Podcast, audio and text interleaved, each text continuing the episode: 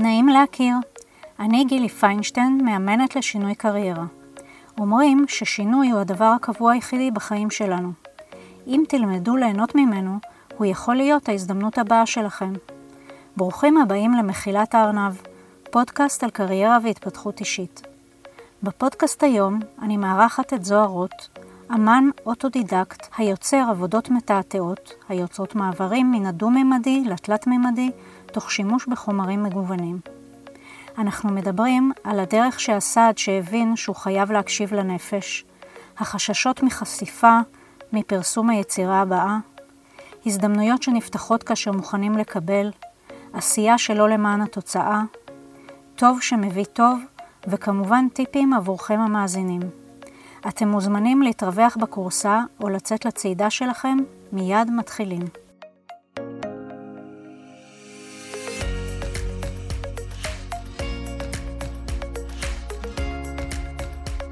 שלום זוהר רוט, וברוך הבא למחילת הארנב. תודה רבה.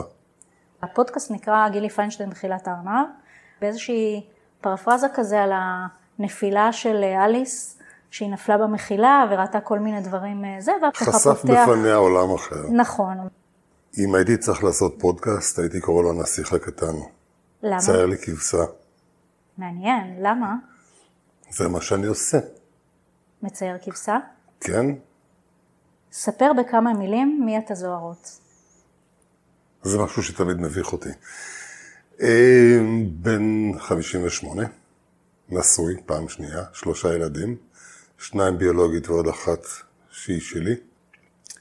יליד הקריות, בגיל 14 עברתי לקריית אונו, שחקן כדורסל בעברי, עד פציעה שגמרה לי קריירה, אומן בנשמתי, וזה מה שאני עושה היום. מייצר את האבסורד, הופך אותו למוחשי. אתה תמיד ידעת שאתה אומן? או בוא נגיד, מאיזה גיל ידעת שאתה אומן? אחרי שהתגרשתי, עברתי לגור, לא עלינו, באחת ההתנחלויות, עד יום רצח רבין, ושם הלבד והמוזיקה הביאו אותי ליצירה. ניסיתי, אהבתי, אהבו סביבי והמשכתי. לא שלא חטאתי בעברי בדברים, אבל uh, לקחתי את זה צעד קדימה, כי הייתי בערך בן 30. אבל נניח שהיית בבית הספר, היית מהילדים האלה שמציירים יפה? וש... לא, לא, לא. ממש לא. שחקתי כדורסל בהפסקות, או מתקות. זאת אומרת שאנשים יש תקווה. זה לא חייב להיות, אם לא ציירתם בגיל שמונה, אפשר גם uh, בשלבים מאוחרים יותר. יש תקווה. הציור אצלי הגיע בגיל יותר מאוחר, מה שהתחלתי זה התלת מימד. המשחק במציאות, או יצירת האבסורד, או הטעויות האופטיות שאנשים אה, רואים. בזה התחלתי, ולאט לאט עברתי גם לציור קונבנציונלי, כשראיתי שאני יכול. והיום אני משלב ביניהם. מה בעצם למדת? אם נחזור, אמרת גיל 30, אבל בואו נחזור אחורה. למדתי צילום טכני מדעי. איפה? במכללה בקריית אונו. מקום מדהים, באיזה גיל? זה אזור, אזור ה-20 פלוס כזה, משהו שנמשכתי אליו, אה, אולי זה חלק אמנותי ואפילו לא חשבתי על זה. צילמתי המון צוגות אופנה בארץ בזמנו, המון צילומי פרסום, ובאיזשהו שלב אה, עזבתי כי לא חשבתי שיש בזה פרנסה מספקת בכל אופן, ועברתי לתחום המזון. שם הייתי המון שנים. מה עשית? מניהול סניפים ברשתות השיווק ועד מנהל מסחרי באחת מהרשתות, ועד שפתחתי עסק עצמאי כהנדימן. זה דברים ככה מאוד שונים אחד מהשני. תנסה היום, בראייה לאחור, להסביר את, הדרך. כאילו, התחלת מהצילום. מישהו התקשר אליי, אמר לי, אני מחפש תפקיד של סגן מנהל באחת מהרשתות. אמרתי, מתאים, בואו ננסה. התחלתי כסגן מנהל ברשת שופרסל, ואז הגיעה הצעה לנהל סניף מהריבוע הכחול, עברתי לריבוע הכחול, הייתי הרבה שנים בריבוע הכחול. באיזשהו שלב רציתי להתקדם, והקמתי טיב טעם פתח תקווה. הייתי מנהל שיווק של חברה יצרנית בתחום המזון, כמה שנים? 15 שנה, 20 שנה, משהו כזה. ואז החלטתי שאני עושה לעצמי, והקמתי עסק כהנדימן. כי ידעתי שיש לי את היכולות לעשות הכל, ולכן עשיתי הכל. התחום היצירתי בא לתחום השיפוצים. וכמה זמן היית בעולם הזה של השיפוצים? 15 שנה. עד שהגיל הכריע. ואז מה עשית? כלום. האומנות. היום אתה יכול להגיד שאתה מתפרנס מאומנות, או שלא? בקושי, לא? בקושי עדיין לא. לא כמו שהייתי רוצה. אז אתה משלב את האומנות עם מה? עבדתי כמנהל תפעול בחברה שמשווקת יין, חזרתי לתחום המזון, אבל אה, כנראה שהנפש רוצה יותר וקוראת לי לחזור לצד האומנותי. איך אתה משלב עבודה שכירה עם האומנות? הסף הכמעט בלתי אפשרי, אבל כשנפש רוצה, תמיד אני אמצא את הזמן. יש לי את הפינה שלי ואני תמיד אמצא את הזמן. גם אם זה שעה, גם אם זה שעתיים, משהו שחייב להתקדם ו- וקורם עור וגידים, לא ביום, לא ביומיים, וגם לא בשבוע ושבועיים. ציור יכול להימשך חודש, חודשיים, כי זה שכבה ועוד שכבה ועוד שכבה ועוד שכבה ותיקון ועוד שכבה וכדומה. זה יכול להימשך חודשיים, שלושה.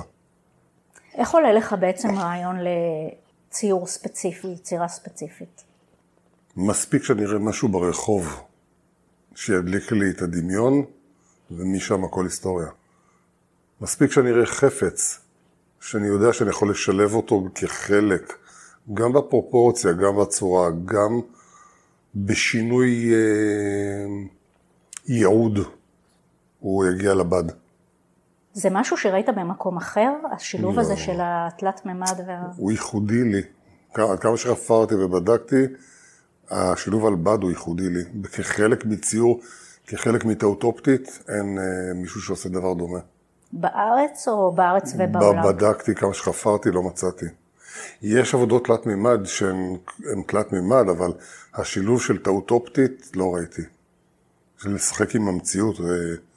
אותה מכונת כתיבה שמדהימה את כולם, שהיא מהחזית נראית ציור, אבל בפועל היא מכונת כתיבה, לא, לא, לא ראיתי. או המעיל האדום שכולם מתים עליו ועפים עליו, שהוא חצי חצי ואף אחד לא מבין איך בעצם. היו אנשים שבאו הביתה כדי לראות ולהבין על מה אני מדבר. תיקח אולי איזו תמונה ספציפית ותנסה לתאר את ההתפתחות הזאת. הרי אתה אומר יש לך רעיון, מצד שני באיזושהי נקודה צריך להגיד סטופ, אז איך מתנהל הדבר הזה? הרעיון עולה על בד כסקיצה של עיפרון, ומפה מתחילה בעצם חרושת מחשבות איך אני משלב את זה. למרות שאני יודע לאן אני הולך. ואז בעצם יש שכבת צבע ראשונה. היא צריכה להתייבש כמעט שבוע, ואז שכבה שנייה, ומתייבשת עוד שבוע. ושכבה אחרי שכבה אחרי שכבה, וזה מגיע לחודשיים, שלושה, עד שאותו אלמנט מוצמד לבד כחלק מהתמונה, זה תהליך ארוך, מייגע, סיזיפי כמעט. כי אתה נורא רוצה להגיע לסוף, אבל אתה לא יכול. ואתה עושה עבודות במקביל? יש פעמים שכן, ויש פעמים שאני אומר, רגע, זאת אומרת, מרב תשומת הלב צריכה ללכת לזה, ויש לפעמים שאני מתפזר ואני יכול לעבוד על שלושה בדים במקביל. הציורים שהם אה, ציורים נטו, הציורים הריאליסטיים יותר, הם, אני יכול לעבוד על שלושה במקביל. איך התחושה? תאר קצת את התחושה שלך כשאתה עובד. המון מתח, המון סיפוק, המון חששות, מה יגידו, מה יחשבו, מה יראו, ירצו, לא ירצו. אתה האמן המיוסר או שלא? א', אני חושב שכל אומן מיוסר, אבל לוקח זמן להבין שמה שיחשבו אחרים פחות מעניין ממה אתה חושב. אני מאוד נאמן לדרך שלי, פחות מתחשב במה שחושבים סביבי, ובסוף מסתבר שגם אוהבים את זה. עם הזמן הולך ופוחת מה יחשבו אחרים. קודם כל, מה אני חושב. כמה זמן לקח לך... להבין את זה? להבין את זה, כן. הרבה שנים. כשהתחלתי, פחדתי לחשוף את הציורים. מה, השתגעת? שמת תאורה בתוך תמונה.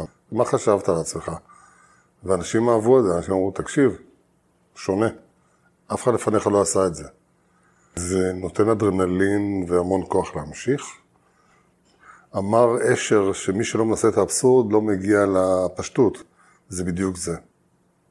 אנשים באים, הם מסתכלים, הם רואים את התוצאה הסופית. ופה אתה פוחד, מה הם יחשבו על התוצאה הסופית. אתה לא יודע אף פעם מה בן אדם שעומד מולך חושב. או שהוא יגיד שזה יפה כדי לרצות אותך, או שהוא באמת חושב שזה יפה. בסוף, איך אומרים, לכל סיר יש מכסה. יהיה מישהו שיאהב את מה שאתה עושה. נכון, ההכרה היא במכירה, ולקח המון שנים עד שהמכירה הראשונה הגיעה, והיום יש אנשים שאוספים את העבודות. מה זאת אומרת? יש אנשים שמחכים לקנות עבודה כי יש להם אוספים בבית. של עבודות של שלך. עבודות, מישהי בחיפה עם שבע עבודות, מישהו בתל אביב עם חמש, זה בית ספר בתל אביב עם 12 או 15 עבודות שממש מחכים, מה יפתיע בפעם הבאה.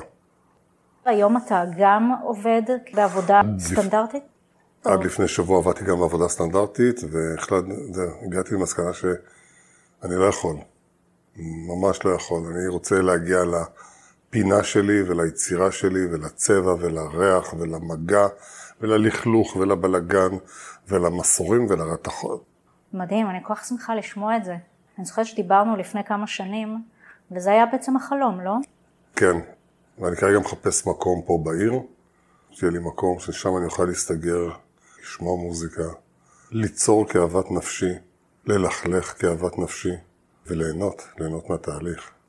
אולי גם להעביר אה, קורס לנוער בוגר או לבוגרים, בלהרחיב את זווית החשיבה, לראות רחב יותר ולא צר, לקחת אביזר ולחשוב לאן אני לוקח אותו.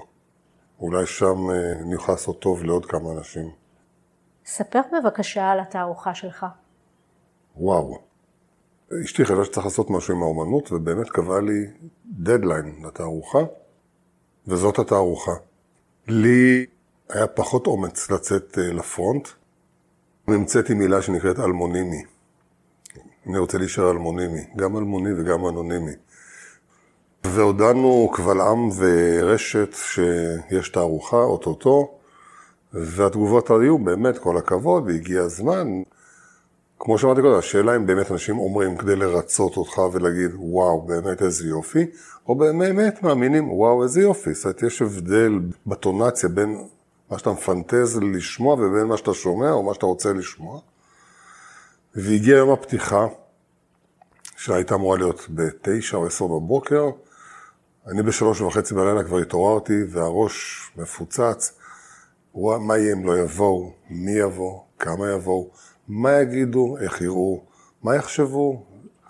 הראש לא הפסיק לעבוד, והגיעה הפתיחה של התערוכה, והגיעו כמות אנשים שמעולם לא חשבתי שיגיעו לפתיחה של התערוכה שלי, והגלריה הייתה מפוצצת ברמות שהיינו בשוק. היינו, פשוט הסתכלנו, אמרנו, מאיפה הם באו? הם באו לפרגן, והם באו לראות, והם באו ליהנות ובאמת נהנו. אני הכי נהנה לראות את התגובות של האנשים. הספיקת ידיים או הגירוד של ההתרגשות בגוף והשמחה, זה מה שעושה לי את זה. בדיעבד הסיבה שאני גם יוצר כדי לעשות טוב וכיף ונחמד למישהו אחר. כמה זמן אה, חלמת על התערוכה הזאת? 30 שנה. מאז שהתחלתי ליצור בעצם. אתה אומר, אני אעשה, אני רוצה להראות, אבל מצד שני אני נורא חושש מה יגידו אנשים בעצם. מי אתה? ולפני 20 שנה הגעתי לתערוכה משותפת בגבעת סביון, בגני תקווה. הגעתי עם שתי עבודות, זה מה שנתנו לי להציג. הסתכלה האוצרת ואמרה, יש לי מקום מדהים להציג את אחת העבודות שלך. פה על הקיר, צמוד למאיר פיץ' חסדה. שמאיר פיץ' חסדה הוא אורים ותומים ומגדולי הציירים שחיו פה בארץ. הוא לא יליד הארץ, אבל אחד מהאומנים המדהימים שאני מחזיק ממנו. ועמדתי לידו, ובזה בעצם אמרתי, מיציתי. יכול ללכת הביתה בגאווה ו- וזהו. תערוכה משותפת גדולה אחרת הייתה בבנק הפועלים, כשתרמתי להם עבודה והייתי חלק מהעניין, ונחשפתי שם אלפי אנשים. לפני כמה זמן זה היה? כשהכרתי את אשתי, זה היה הדייט השני שלנו, פתיחה של התערוכה. הבאתי אותה לפתיחה של התערוכה. שזה אומר כמה שנים? 17 שנה. ומה קרה? למה פער הזמנים? זאת אומרת, אתה אומר 17 שנה מהתערוכה האחרונה, זה נכון? כן, כי כמו שאמרתי קודם, ההכרה באומן היא המכירה.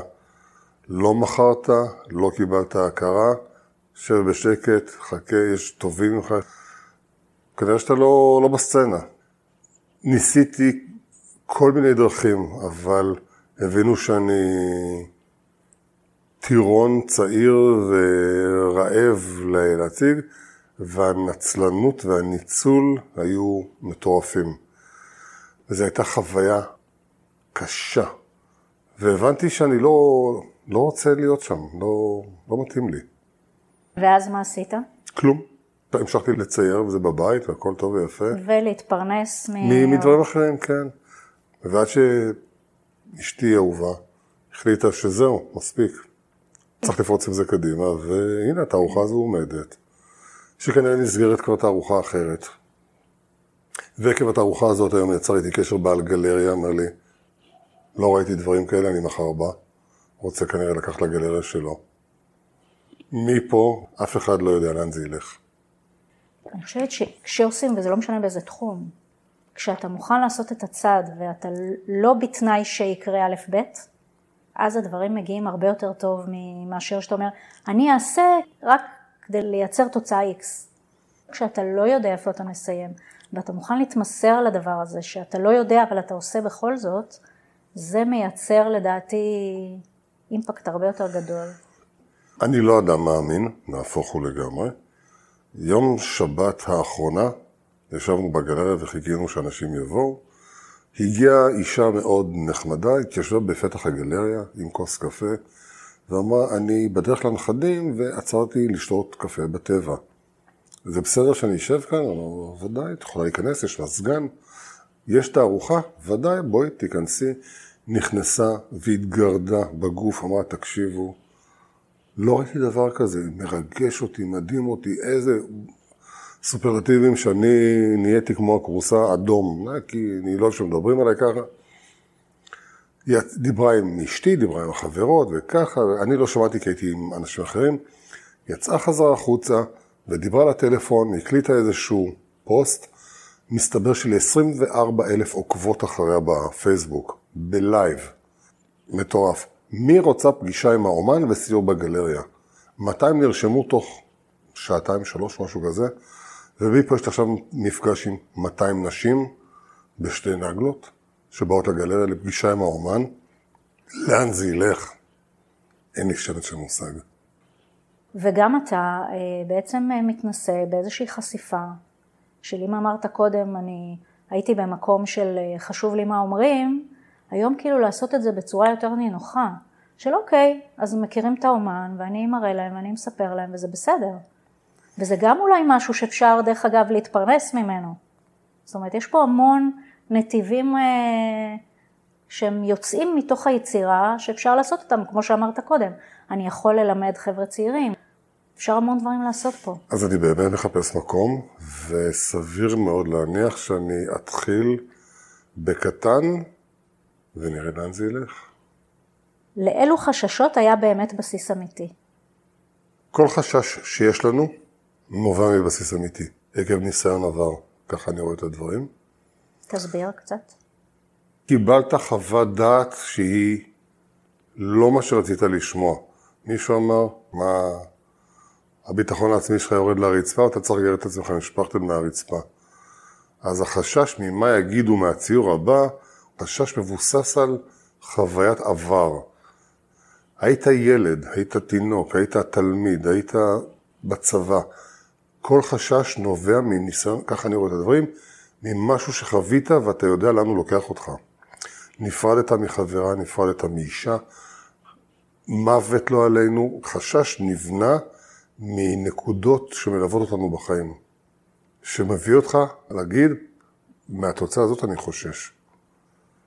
מישהו ראה את העבודה שלך ולא אהב אותה, ואתה יודע שבעבר קטלו אותך על עבודה דומה, אתה יודע שהתוצאה הסופית שתקבל את הפידבק תוריד אותך לרצפה. ופה החשש. זה החשש שגם לקח לי המון זמן להאמין בעצמי ולהקים את הארוחה. ואיך אתה היום? היום, אחרי שכבר... יודע להתמודד עם החששות. מה זה אומר? לא על פי אדם אחד יישק דבר. זאת אומרת, יכול להיות שאחד אהב, אחד לא, אבל זה בסדר. זה זכותו. תאמין בדרך שלך, וזה בסדר, תלך איתה. בסוף תגיע. אף אחד לא, כרגע לא מצליחים להוריד אותי למטה. זה עדיין אבל משפיע עליך בתהליך היצירה? לא. בשום פנים ואופן. ובעבר זה כן השפיע במהלך התהליך? היו מקרים שכן, ולמדתי להגיד, עד כאן. היום כשאתה מייצר יצירה, אתה אומר, זה בטח הלקוח הזה ירצה לקנות? קורה לך? הצו ידעתי מי ייקח אותו. וזה מה שקרה? Mm-hmm. לגמרי, היא באה לתערוכה וידעתי שהיא הולכת לשם וזה, וזה זה נגמר. אז עשית דרך. מן הסתם, כן. לא עשיתי את זה בשביל שהיא תיקח אותו, דרך אגב, ממש לא. זה משהו שהיה לי אוסף שעונים מאוד גדול, ולא רציתי לזרוק אותו, זאת אומרת, כאב לי הלב לזרוק אותו. אמרתי, נמצא להם את התזמון ואת הזמן, ויום אחד זה הברקה של שנייה, אמרתי, צו השעה, זה צו מלא שעונים. אז נכון, לא פיסלתי את הצו, כי לא בא לי להתמודד עם זה, אז הצו הוא צו מוכן, שאמרתי, יאללה, נעטוף אותו, וזה או לוקח את הזמן, או צו השעה, צו בו' או בב', זה גם כן איזושהי התלבטות. אבל אתה אומר שבעצם ברוב המקרים לא. ממש לא. מה התוכניות להמשך? הכוונה היא כרגע לקחת סטודיו, לצאת מה-comfort zone שהוא בעצם הבית, להגיע לתודעה הרבה יותר גבוהה, והכרה הרבה יותר מסיבית, שהיא בעצם שוב המכירה. גם אם זה גלריות, גם אם זה באופן ישיר. לשים אצבע ולהגיד אני כאן, זו הטביעת האצבע שלי. לא תשנו אותי, לא תכופפו אותי, זו טביעת האצבע שלי, טוב לכם או לא טוב לכם, אני פה וזה אני. מעולה. כי זו טביעת אצבע נפלאה בעיניי, אז uh, אני שמחה שאתה אומר את זה. יש לך איזשהו טיפ שהיית רוצה לתת לאנשים שמאזינים לנו עכשיו, מתוך הדרך וכל השלבים שעברת? היות ואני באמת בא ממקום של, אה, של טוב. אחת הסיבות שאשתי הנוכחית, שאני מת עליה, וגרושתי חברות, זה הסיבה הזאת. שאין מקום למלחמות. זאת אומרת, אם אתה בא בטוב, אז הכל טוב. ואין צורך, אין צורך במלחמות. אנחנו אוכלים ארוחות ערב משותפות, ואנחנו מבקרים אצלם בבית, הם אצלנו טיפה פחות. יש לנו ילד משותף לגרושתי ולי, ואין סיבה להיכנס למלחמות. זה, אני חושב, ההצלחה הכי גדולה שהצלחתי להעביר גם לילדים שלי וגם לקרובים אליי, שהדרך היא דרך של טוב. גם כשהייתי עצמאי, הייתי מגיע לאנשים הביתה, כשהייתי רואה את מצב הבית, במקום לגבות 300 שקל לביקור, הייתי אומר 20 שקל, כי חינם זה מביש. אני חושב שטוב מביא טוב, זאת הדרך. מה הקשיים שחווית ואולי אתה עדיין חווה? לקבל מחמאות. אתה מצד אחד אבל אתה אומר אני רוצה את ההכרה. ההכרה היא מכירה, זהו, בזה נגמר הקשר. לא חייב להיות קשר פרונטלי. אתה יכול לקנות לך אתר שלי, אתה לא חייב אותי, אתה לא קונה אותי. היום הגיעו קבוצת בנות ודיברו עליי כאילו אני זבוב על הקיר, למרות שהם ידעו שזה אני, האומן, עם סופרלטיבים, שמעתי, אולי יש פה מישהו אחר שמדברות עליו וזה לא אני, והייתי נבוך. היה לי קשה מרמה של גאונות, אתה, אתה גאון. אתה ממש, שחקת לי בראש, אתה גאון. ואני מתכווץ כמו שבלול ונכנס לקליפה שלי עוד ועוד. תשמע, זה לא הגיוני מה שעשית. זה, איך, איך חשבת על זה? בזאת, מאיפה זה בא? איזה יצירתיות, איזה דמיון, איזה מה. אתה אמר, אני כל פעם בורח, תלוי בדילר, מי מכר לי את הדילר. אני מנסה לעשות מזה איזשהו צחוק, אבל אני נבוך מזה. זה משהו שמלווה אותי תמיד. אם היית יכול לומר משהו לזוהר של תחילת הדרך הזאת, מה היית אומר לו? לך עם זה. עזוב את הכל, לך עם זה. זאת אומרת שאם היית יכול לשנות, היום היית מתמסר לאומנות יותר מוקדם, אתה חושב שיכולת לעשות את זה? הייתי רוצה שזה יהיה בשלב הרבה יותר מוקדם, ודאי. הייתי רוצה לשבת על זרי הדפנה בגיל יותר אה, צעיר. מה הטיפ שלך לאנשים שמתלבטים האם ללכת אחרי התשוקה והכישרון שלהם? מתחלק לשתיים. תלוי בגב הכלכלי, ותלוי כמה זה בורח לך בעצמות. אם אתה לא דואג לפרנסה היומיומית, עוף על זה. בלי כחל וסרק, עוף על זה. ופה בעצם הדילמה, המלחמה היומיומית, בין היומיום, החומרי, הגשמי, לבין הרוח. אני רוצה להגיד תודה על השיחה. תודה רבה. אני לא מאמין שעשיתי את זה, אבל כן. יודעת, מה עשית בחייך? אלה לא דברים שמלווים אותי ביום-יום, ואתה אומר, וואלה, עשיתי משהו. ולא לא, לא כפרנסה, אלא עשיתי משהו, עשיתי טוב לאנשים. פתאום כשאתה מתחיל אה, להיזכר בזה ובזה ובזה ובזה, טוב, אתה אומר, וואלה, היו לי חיים אה, מלאי תכלית ומלאי טוב, זה כיף. זה הכיף הכי גדול שלי, שאני מביא את האבסורד לידי מעשה. וככה אנחנו מסיימים את השיחה, כי התחלת עם הנושא של האבסורד. נכון. ואמרת עכשיו. נכון. איזה כיף. עשינו זאת. אהבתם? דרגו את הפודקאסט ושתפו חברים. רוצים לקבל את הפרק הבא? הרשמו באתר שלי, career coaching co.il ועדכן אתכם. מתלבטים לגבי המשך דרככם המקצועית?